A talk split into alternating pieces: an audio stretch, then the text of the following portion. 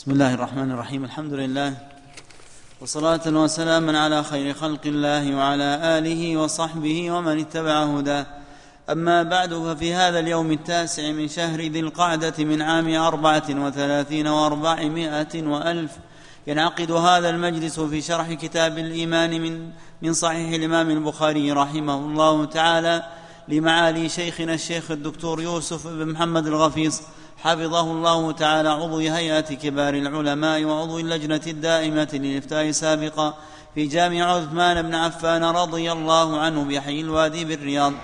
قال رحمه الله تعالى باب قيام ليلة القدر من الإيمان.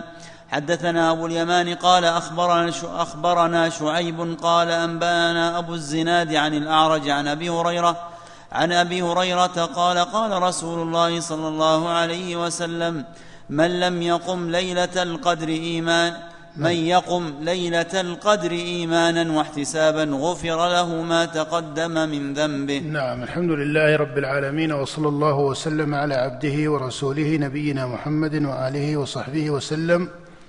قال الإمام البخاري رحمه الله تعالى في كتاب الإيمان باب قيام ليلة القدر من الإيمان. لما ذكر الإمام أبو عبد الله البخاري ما سبق في الأبواب من أن ما يكون مضادا للإيمان يكون أوجها فذكر الظلم دون ظلم وذكر علامات النفاق وذكر أن المعاصي من الجاهلية في الأبواب التي سبقت. ذكر هنا ما يتعلق بقيام ليلة القدر ثم ذكر بعدها اعمالا. وهذا الباب والذي بعده هو من تحقيقه لمسألة العمل. ففيه تحقيق مسألة العمل وأن العمل داخل في مسمى الإيمان. فهذا فيه تحقيق أن العمل داخل في في مسمى الإيمان. فهذا الشاهد من السنة وإليه كذلك الدلائل الأخرى ما جاء في حديث أبي هريرة من يقم ليلة القدر إيمانا واحتسابا غفر له ما تقدم من ذنبه. بوب عليه البخاري بقول باب قيام ليلة القدر من الإيمان. وأخذ ذلك من قوله من يقم ليلة القدر إيمانا واحتسابا غفر له ما تقدم من ذنبه. فدل على أن الأعمال الصالحة ومنها قيام ليلة القدر من الإيمان. وتعرف أن العمل بإجماع أهل السنة أو بإجماع السلف الأول. وكذلك لما ظهر اسم أهل السنة والجماعة بهذا الاصطلاح فهو إجماع لأهل السنة والجماعة وخالف في ذلك طوائف وهو أن العمل داخل في مسمى الإيمان وأن الإيمان يزيد وينقص. والخوارج جعلت العمل داخلا في مسمى الإيمان لكن لم تجعل الإيمان على هذه الرتبة من الزيادة والنقصان. ومن هنا قالوا إن مرتكب الكبيرة يكون كافرا. وكذلك ما ذكرته المعتزلة وسبق الإشارة إليه. الذين اشتهر مخالفتهم في نفي دخول العمل في مسمى الإيمان هم المرجئة والإرجاء طوائف أو المرجئة طوائف والإرجاء مسالك. وذكر أبو الحسن الأشعري في المقالات أن المرجئة ثنت عشرة طائفة. أغلاهم إرجاء هم غلاة متكلميهم. وأخص من نقل عنه مقالة غالية في الإرجاء هو الجهم بن صفوان المتكلم. الذي قال إن الإيمان هو المعرفة. ثم بعد ذلك درجات. وأخفهم إرجاء من عرفوا بمرجئة الفقهاء. ومقالة مقالات المرجئة التي ذكرها أبو الحسن ليست هي من مقالات أئمة السنة جميعها. وإنما الذي عرض فيها اشتباه هي المقالة الثانية عشرة وهي مقالة مرجئة الفقهاء فهذه لم يتكلم بها أئمة النظار وحدهم أو أئمة المتكلمين وإنما اشتبه أمرها على بعض أعيان الفقهاء المعروفين في جملة أمرهم بالسنة والجماعة أي باتباع هدي السلف. وأول من نقل عنه ذلك من هؤلاء الأئمة هو حماد بن أبي سليمان. وتعلم أن حماد بن أبي سليمان هو من فقهاء الكوفة هو من فقهاء الكوفة وكان على مدرسة إبراهيم النخعي التي هي اتصال بمدرسة أصحاب عبد الله ابن مسعود رضي الله عنه. فكانوا أئمة في السنة لكن عرض لحماد بن أبي سليمان هذا الخطأ عرض له هذا الخطأ فلم يجعل العمل داخلا في مسمى الإيمان. لكنه ليس على طريقة غلاة المرجئة ولا على طريقة واقفة المرجئة. وإن كان الخلاف هذا ليس خلافا لفظيا محضا كما ذكر بعض علماء الحنفية المتأخرين. على معنى التعبير بالخلاف اللفظي المستعمل عند أهل الاصطلاح الذي صار يقدر أنه ليس مؤثرا بوجه. وهو ليس كذلك ليس خلافا لفظيا على هذا المعنى. كان تقول في بعض مسائل النظر والأصول أحيانا الخلاف إيش؟ لفظي. بل الخلاف له أثر ولكنه لا يرتب عليه الآثار التي كان يتكلم بها أئمة المرجئة من المتكلمين. بل قوله مقتصد فهو قول مقتصدة المرجئة كما يعبر ابن تيمية رحمه الله في مثل هذه المسائل. ولكنه بدعة. ولكنه بدعة. ولهذا عبر ابن تيمية رحمه الله في بعض كلامه بأن الخلاف أكثره لفظي. فهذا على كل حال مقالة عرضت لحماد بن أبي سليمان وتبعه عليها بعض الكوفيين من فاضل الديانة وفاضل العلم وفاضل الاتباع. ونسبت واشتهرت مضافة للإمام أبي حنيفة وصار عليها كثير من الحنفية وإن كان من كان متكلما من الحنفية زادوا على المقالة المنسوبة لأبي حنيفة بما هو من كلام المتكلمين. وصاروا يجعلونه مذهبا للإمام أبي حنيفة أو للحنفية. فالإرجاء فيه هذا الاشتباه من هذا الوجه. ولكن الإجماع المتقدم وهو إجماع السلف إجماع الصحابة ومن بعدهم على أن العمل داخل في مسمى الإيمان. وإن كان حماد رحمه الله هو من علماء السنة ولكن عرض له هذه أو عرضت له هذه المقالة الغلط. عرضت له هذه المقالة الغلط وهي بدعة. لم تكن في كلام الأئمة من قبله. فإن قيل كيف ينعقد الإجماع مع أن حمادا من علماء السنة قيل لأن الإجماع متحقق قبله فهو مخصوم بالإجماع قبله. وهذه عرضت في مذهبه رحمه الله. فالإجماع متحقق وهو إجماع الصدر الأول قبل حماد إجماع الصحابة ومن بعد الصحابة على هذا الإجماع. وهذا هو الذي دل عليه الكتاب والسنة. وأتى الإمام البخاري بهذا الباب وما بعده لتحقيق هذا المعنى أن العمل داخل في مسمى الإيمان خلافا لطوائف المرجئة الذين وإن اختلفت طوائفهم إلا أنه يجمعهم أن العمل ليس داخلا في مسمى الإيمان. وهذا قول النبي صلى الله عليه وسلم في حديث الباب من يقم ليلة القدر إيمانا واحتسابا فدل على أن هذا العمل لا يكون إلا إيمانا. فإن لم يفعله على سبيل الإيمان صار نفاقا. فإن العمل الصالح إما أن يكون إيمانا وإما أن يكون نفاقا.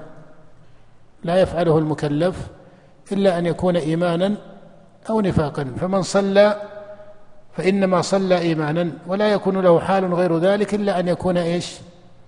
منافقا بصلاته كصلاة المنافقين مع النبي صلى الله عليه وسلم. بخلاف صلاة المؤمنين فهي إيمان. ولهذا قال الله لهم وما كان الله ليضيع إيمانكم. نعم. باب الجهاد من الإيمان. حدثنا حرمي بن حفص قال أخ قال أنبأنا عبد الواحد قال حدثنا عمارة قال أنبأنا أبو زرعة قال أنبأنا أبو زرعة بن عمرو قال سمعت أبا هريرة عن النبي صلى الله عليه وسلم قال انتدب الله عز وجل لمن خرج في سبيله لا يخرجه إلا إيمان بي أو تصديق برسلي أن أرجعه بما نال من أجر أو غنيمة أو أدخله الجنة ولو أو أدخله الجنة ولولا أن أشق على أمتي ما قعدت خلف سرية ولوددت أني أقتل في سبيل الله ثم أحيا ثم أقتل ثم أحيا ثم أقتل. نعم هذا أيضا حديث أبي هريرة في الجهاد والجهاد من الإيمان كما قال البخاري لأنه من الأعمال الصالحة بل من شريف هذه الأعمال وفاضلها وهو الجهاد في سبيل الله وهو قتال المشركين. ولهذا جعل الله سبحانه وتعالى فيه هذه الأوجه الواسعة من الفضل ومنها ما جاء في هذا الحديث انتدب الله عز وجل من خرج في سبيله. والشاهد فيه قوله صلى الله عليه وسلم لا يخرجه إلا إيمان بي وتصديق برسلي فدل على أن الجهاد من الإيمان لأنه لا يقع إلا إيمانا. دل على أن الشريعة بينت أن الجهاد لا يقع إلا ايمانا فإذا لم يقع ايمانا فهو ماذا؟ فهو نفاق. كحال ذلك الرجل الذي جاء في حديث سهل بن سعد وأبي هريرة لما قاتل وأجزى في قتاله وقال النبي صلى الله عليه وسلم إنه من أهل النار فجرح جرحا شديدا فاستعجل الموت فوضع نصل السيف على الأرض وذبابه بين ثدييه حتى خرج من ظهره. فهذا ما قاتل إيمانا بالله وتصديقا برسله لأن الله يثبت الذين آمنوا بالقول الثابت. فالقصد أن هذا العمل الصالح بينت الشريعة أنه يقع إيمانا. كما قال في قيام ليلة القدر من يقوم ليلة القدر إيمانا فدل على أن القائم يفعله إيمانا وإيمانا مصدر أي أن الفعل هذا يكون إيش؟ ايمانا. نعم. باب تطوع قيام رمضان من الإيمان. نخفف التعليق لعله إن شاء الله ننتهي من كتاب الإيمان قبل الحج. بقي علينا أعتقد كم باب؟ سبعة. 17 نعم سبعة عشر بابا. إن شاء الله ننتهي منها قبل الحج. نعم.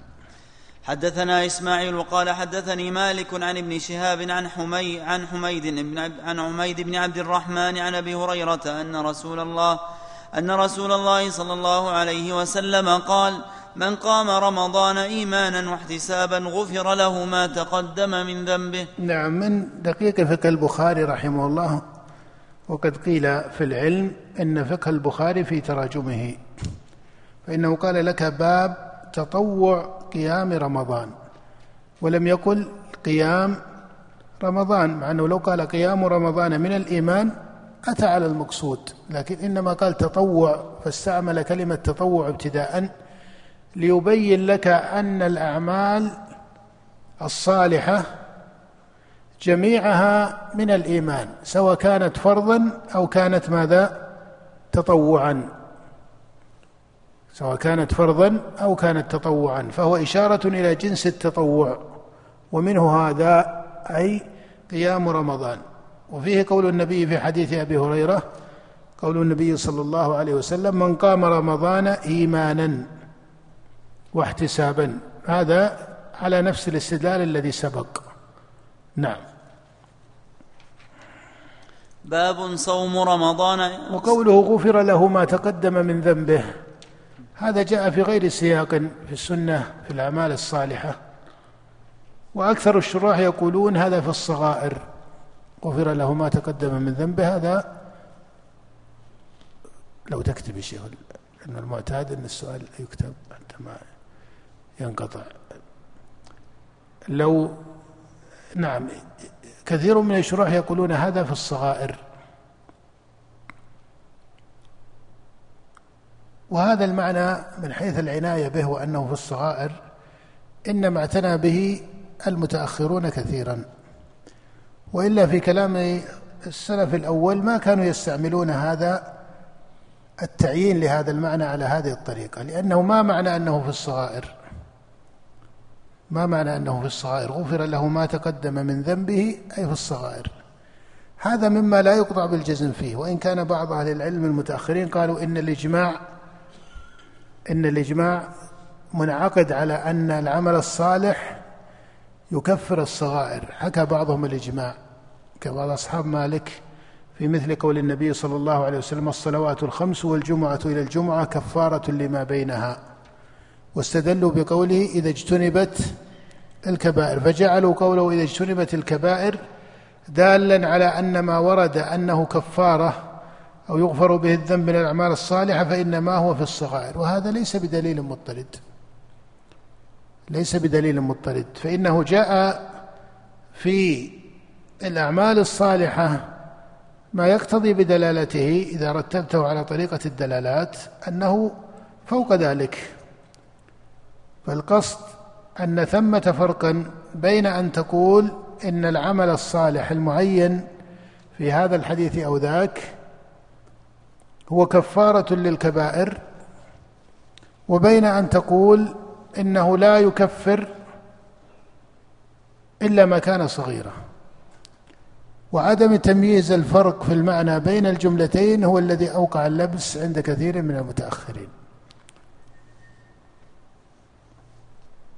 فإن المعنى الأول يتجه مع بعض الأدلة التي وردت عن النبي صلى الله عليه وسلم كقوله ما اجتنبت الكبائر في ذكر الصلوات. وأما المعنى الثاني فإنه لا يتفق حديث سواء حديث الصلاة أو حديث قيام ليلة القدر أو حديث قيام رمضان. ولذلك لا يقطع بأن العمل الصالح لا يكفر به ما فوق الصغيرة. هذا مما أمره إلى الله سبحانه وتعالى وربك بصير بالعباد. لكن لا بد من التوبة في الأعمال الصالحة لا بد من التوبة من الكبائر.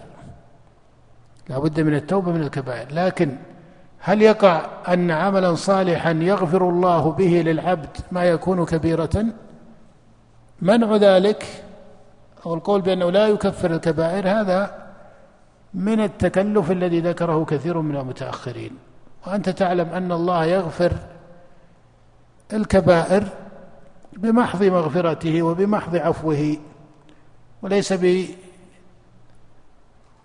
بسبب يقع من العبد من الأعمال الصالحة. وهذا مجمع عليه. ولهذا ما ترونه في الحج كقول النبي صلى الله عليه وسلم من أتى هذا البيت فلم يرفث ولم يفسق رجع من ذنوبه كيوم ولدته أمه. لا يمكن أن تقول رجع من ذنوبه الصغائر وأما الكبائر فباقي عليه. ما معنى باقي عليه؟ أو رجع من ذنوبه أي الصغائر. طيب والكبائر؟ يقول تقول لا تدخل الحديث هذا خطأ. ما معنى الصغائر والكبائر باقية عليه؟ إن أريد بمعنى باقية أنه يجب عليه التوبة من الكبائر فلا شك أنه يجب عليه التوبة. لأن هذا العمل الصالح لا يعلم ماذا؟ لا يعلم درجة قبوله عند الله. إن العبد ينصرف من صلاته كما جاء في حديث حسنه كثير من العلم وما كتب له إلا نصفها إلا ربعها إلى آخره. وحتى في حال تحقيق العمل الصالح فإنه تجب التوبة بالكف عن الكبيرة والانقطاع عنها والإقلاع عنها أليس كذلك؟ فإذا لا يقال إن الأعمال الصالحة تسقط وجوب إن الإتيان بالأعمال الصالحة تسقط وجوب التوبة من الكبائر بل التوبة مشروعة حتى مع الحج فمن حج البيت واجتهد في حجه واتبع فيه السنة وفي أمره كبيرة في غير الحج يجب عليه التوبة منها أو أو يكتفي بحجه. لا بد أنه يجب عليه التوبة وهذا لم يختلفوا فيه هذا مجمع عليه بين أهل العلم. لكن مع وجوب التوبة عليه هل يقال إن الحج لا يكفر هذه الكبيرة لو لم يتب منها؟ أو لا يكفر معصية بين العبد وبين ربه هي من باب الكبائر. لا يقطع بذلك. بمعنى أن العمل الصالح قد يرفع الله به عن العبد أثر هذه الكبيرة فيما سلف من أمره فيما سلف من أمره. فما معنى أنه يغفر له؟ أنه لا يوافي ربه بها كما لو تاب منها. لكن هذا علمه إلى من؟ هذا علمه إلى الله جل وعلا. أما أن يقال إن هذه الأعمال الصالحة لما قال النبي لعمرو بن العاص ما علمت أن الحج يهدم ما كان قبله. يقال هذا في الصغائر. أما علمت يا عمرو أن الهجرة تهدم ما كان قبلها في الصغائر؟ من أتى هذا البيت فلم يرفث ولم يفسق رجع من ذنوبه كيوم ولدته أمه في الصغائر. لا. وقد يقوم في حال العبد عند تحقيقه العمل الصالح من التحقيق لهذا العمل على صفة الشريعة والإخلاص لله والمتابعة للنبي صلى الله عليه وسلم ما يرفع الله به أثر هذا الذنب ويغفر له به. وهذا شواهده في الشريعة كثيرة ولهذا قال عليه الصلاة والسلام رجع من ذنوبه كيوم ولدته أمه. لكن هذا لا يقال إنه مضطرد على الجزم في أحوال المعينين لكن الأعمال الصالحة كفارة. ولهذا لما ذكر المسألة كما ذكرت لكم صار فيها بعض اللبس وتداخلت فيها المعاني التي هي مورد إجماع على بعض المعاني التي ما نص السلف عليها أصلا. وصار بعض المتأخرين يقول أجمعوا على كذا فيذكر معنى مركب. يذكر معنى مركب. قدر منه مجمع عليه وقدر منه إنما هو اجتهاد لبعض المتأخرين ولا يفك هذا عن هذا. وإلا فإن عقوبة الله سبحانه وتعالى التي هي تحت مشيئته إن شاء عذبه وإن شاء غفر له المذكورة في قوله ويغفر ما دون ذلك لمن يشاء هذه العقوبة المعلقة أو المبنية على مشيئة الرب وحكمته وعدله. عقوبة أهل الكبائر إذا وافوا ربهم بالكبائر. إذا وافوا ربهم بالكبائر. والكبائر كما تعرف تكفرها التوبة. وهذا بالإجماع أن التوبة كفارة ويغفر للعبد إذا صدق توبته. وما يقع من الأعمال الصالحة في بعض أحوال العباد. هذه تفاصيل لا يعلم حالها إلا الله. وهو المتفضل على العباد. فمن كان صالح الحال مثلا وعرض له في أمره كبيرة ثم أتى عملا صالحا من جليل هذه الأعمال كالصلاة أو الحج أو نحو ذلك.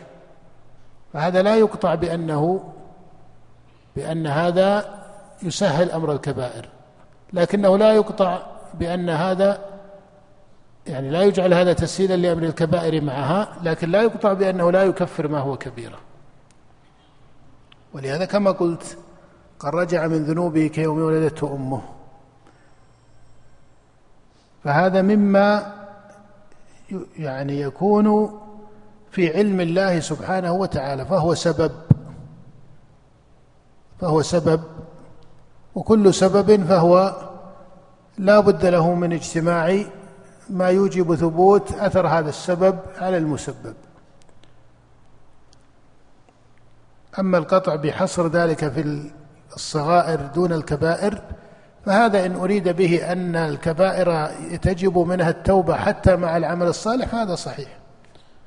وأما لو قدر أن المراد به كما يطرده البعض أن الكبائر يوافي العبد بها ربه ضرورة ولا ولا يدفعها العمل الصالح في كل الأحوال فهذا لا ليس على إطلاقه. بل هذا دلت الأدلة على خلافه. نعم. باب صوم رمضان إيمان, إيمان صوم رمضان احتسابا من الإيمان. حدثنا ابن سلام قال أن قال أخبرنا محمد بن فضيل قال أنبانا يحيى بن سعيد عن أبي سلمة عن أبي هريرة قال قال رسول الله صلى الله عليه وسلم من صام رمضان إيمانا واحتسابا غفر له ما تقدم من ذنبه. نعم كذلك حديث أبي هريرة في صيام رمضان وهو فرض. وهو فرض بين النبي صلى الله عليه وسلم أنه يقع إيمانا. نعم. باب الدين يسر وقول النبي صلى الله عليه وسلم أحب الدين إلى الله الحنيفية السمحة حدثنا عبد السلام بن مطهر قال قال انبانا حدثنا عبد السلام بن مطهر قال أنبأنا عمر بن علي عن عن معن ابن عن معن بن محمد الغفاري عن عن سعيد بن أبي سعيد المقبري عن أبي هريرة عن النبي صلى الله عليه وسلم قال إن الدين يسر ولن يشاد الدين أحد ولن يشاد الدين إلا غلبه فسددوا وقاربوا وابشروا واستعينوا بالغدوة والروحة وشيء وشيء من الدلجة. نعم هذا حديث أبي هريرة. بوب عليه البخاري باب الدين يسر. فإن قيل فما شاهده في مسألة الإيمان؟ ما الشاهد فيه في أن الإيمان قول وعمل أو كما عبر البخاري في أوائل كتابه هذا أن الإيمان قول وفعل قيل لأن النبي صلى الله عليه وسلم سمى جميع الشعائر سماها دينا فقال إن الدين يسر أي ما شرعه الله ورسوله فهو دين وهذا الدين يسر ولما كان دينا فهو يدين الله به ولا يقع الدين إذا كان عملا إلا أن يكون خالصا لله جل وعلا فهو لا ينفك عن مقام التصديق والإخلاص. ولهذا قال فسددوا وقاربوا وأبشروا. وقوله فسددوا السداد في الأصل هو الإصابة. تقول تسدد السهم إذا أصاب. والمقصود هنا في قوله فسددوا وهو طلب وأمر القصد. السداد يكون في القصد. ولهذا أخذ من هذه المادة مادة السداد. أخذ من مادة السداد ومادة السداد فيها تعيين ولهذا في أمر الإرادة والإخلاص لا يخفف فيه. في أمر الإرادة والإخلاص ما يخفف فيه. ما معنى ما يخفف فيه؟ ما يقال يسير المنافي للإخلاص لا, لا بأس به. يجب في مسألة الإخلاص التحقيق ولا يعفى عن يسير منه لأنه يكون رياء أو نفاقا أو غير ذلك. فقوله فسددوا كما تقول إن السهم أصاب أي تسدد السهم. لكن لو وقع قريبا من الهدف بجوار الهدف يكون تسدد أو لم يتسدد؟ لم يتسدد. ففي أمر القلب والإخلاص الشريعة أمرت لأن الإخلاص مستطاع. ما أحد يقول ما أستطيع الإخلاص لله. أليس كذلك؟ بخلاف الفعل والعمل فإنه يقع فيه ما يعرض فيه من تقصير. ولهذا قال في حديث عمران في الصلاة صل قائما فإن لم تستطع فقاعدا. لكن الإخلاص لا يمكن أن يقال أخلص فإن لم تستطع فخفف. أليس كذلك؟ حتى لو قال ما خالف ذلك لا يكون التخفيف في أمر القلب يكون التخفيف في أمر اللسان. ولهذا لما ذكر الله ما يكون العبد عليه مكرها قال من كفر بالله من بعد إيمانه إلا من أكره. حال المكره ماذا؟ قال وقلبه مطمئن بالإيمان. فحال المكره خفف أمر القلب ولم يخفف. لا ما خفف لأنه لا يحتاج إلى تخفيف. فالدين يسر ولكن في الإخلاص الإخلاص يسير على من يسره الله له. لا لا يمكن أن العبد يكره على ترك الإخلاص. هذا يكون عدوانا صريحا من العبد ونفاقا. ولهذا كان النفاق عظيم أمره عند الله. وقال الله إن المنافقين في الدرك الأسفل من فلما ذكر أمر القلب وهذا الذي يظهر لي من مقاصد الحديث ومراداته أن قوله فسددوا هو في أمر القلب وما يتبعه من العمل ما يتبعه من الفعل والحركة لكن أصله أصل السداد في جوهر العمل وقاعدة العمل وهو القلب والإخلاص كما في حديث النعمان ألا وإن في الجسد مضغة قال وقاربوا. ألست ترى لغة أن السداد والمقاربة بينهما فرق؟ فالسداد هو إصابة لعين الشيء والمقاربة دون ذلك. فهذا في حركة العبد وفعله التي يعتريها إيش؟ الاختلاف والنقص وقيام العوارض المانعة والمؤثرة. لا يكلف الله نفسا إلا وسعها. فسددوا وقاربوا. وأبشروا فإن هذا من موجبات البشرى من الله. بما تكون البشرى؟ تكون برضوان الله ويتبع ذلك أو مع ذلك الثواب الذي أعده الله لعباده المؤمنين. فإن قيل فما أثر البشرى؟ وما أثر البشرى؟ في تحقيق الإخلاص وتحقيق الإيمان وقيام الإيمان في قلب العبد. قيل لأن الانصراف عن الإخلاص والإيمان لبعض أحوال الدنيا إما أن يقع رياء وإما أن يقع طلبا لمنصب أو طلبا لمال أو طلبا لجاه أليس كذلك؟ أو أي عارض من عوارض الدنيا منكم من يريد الدنيا ومنكم من يريد الآخرة كما قال الله عن عباده. فكيف تدفع إرادة الدنيا؟ كيف تدفع إرادة الدنيا؟ بأوجهها المتنوعة المنافية للإخلاص لله من موجبات دفعها؟ تذكر إيش؟ واستصحاب البشرى من الله. ولا سيما إذا فقهت البشرى من الله على مقامها المنيف الذي كان يفقهه العابدون المذكورون الذي كان يفقهه العابدون المذكورون في قول الله سبحانه وتعالى التائبون العابدون. أهل المعرفة على التحقيق والعبادة وهو أن أشرف مقامات البشرى هي البشرى برضوان الله سبحانه وتعالى. فهذا يجعل العبد لا يلتفت إلى إيش؟ إلى عوارض الدنيا ومؤثراتها. إذا رزقه الله حسن التحقيق لذلك. قال واستعينوا بالغدوة والروحة وشيء من الدلجة وهذا فيه أن الإقامة على الأعمال الصالحة هو تحقيق الإيمان. ولهذا لا بد للعبد من أن يكون مقيما على عبادة الله. وهذا جاء عن النبي صلى الله عليه وسلم كما في الصحيحين وغيرهما أن عمله كان ديمة. وأحب العمل إلى الله أدومه. ومن الدوام هذا الاتصال المذكور في قوله واستعينوا بالغدوة والروحة وشيء من الدلجة فهذه فصول اليوم. الغدوة والروحة والدلجة هذه فصول اليوم. كما تقول فصول السنة فصل الصيف وفصل الشتاء أو التقسيم الرباعي. ففصول اليوم هذه الأحوال الغدوة والروحة الدلجة ولهذا شرعت أفضل الأعمال وهي الصلاة مقسمة على فصول هذا اليوم.